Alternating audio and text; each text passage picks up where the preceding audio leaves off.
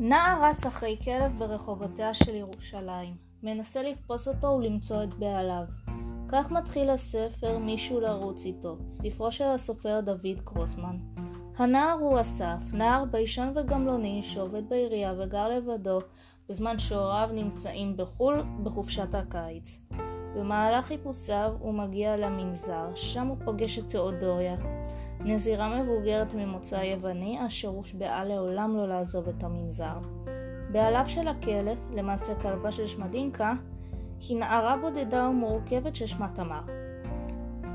בינתיים, תמר בורחת מביתה, רק עם תיק וגיטרה, מגלחת את שיער ראשה ועוברת לגור ולשיר ברחוב, כדי למצוא ולהצטרף לחבורתו של פסח, עבריין קשוח בגיל העמידה, אשר שרים ברחובות ישראל בתמורה לכסף.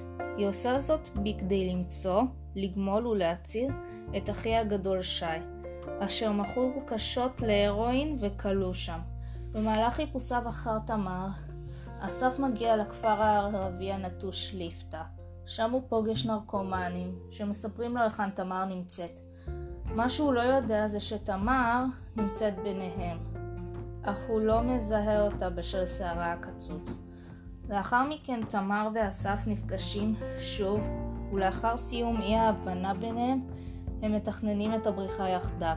לאחר כמה זמן, תמר ושי בורחים בעור שיניהם מפסח וחבורתו אל המערה. שם תכננה תמר לגמול את שי.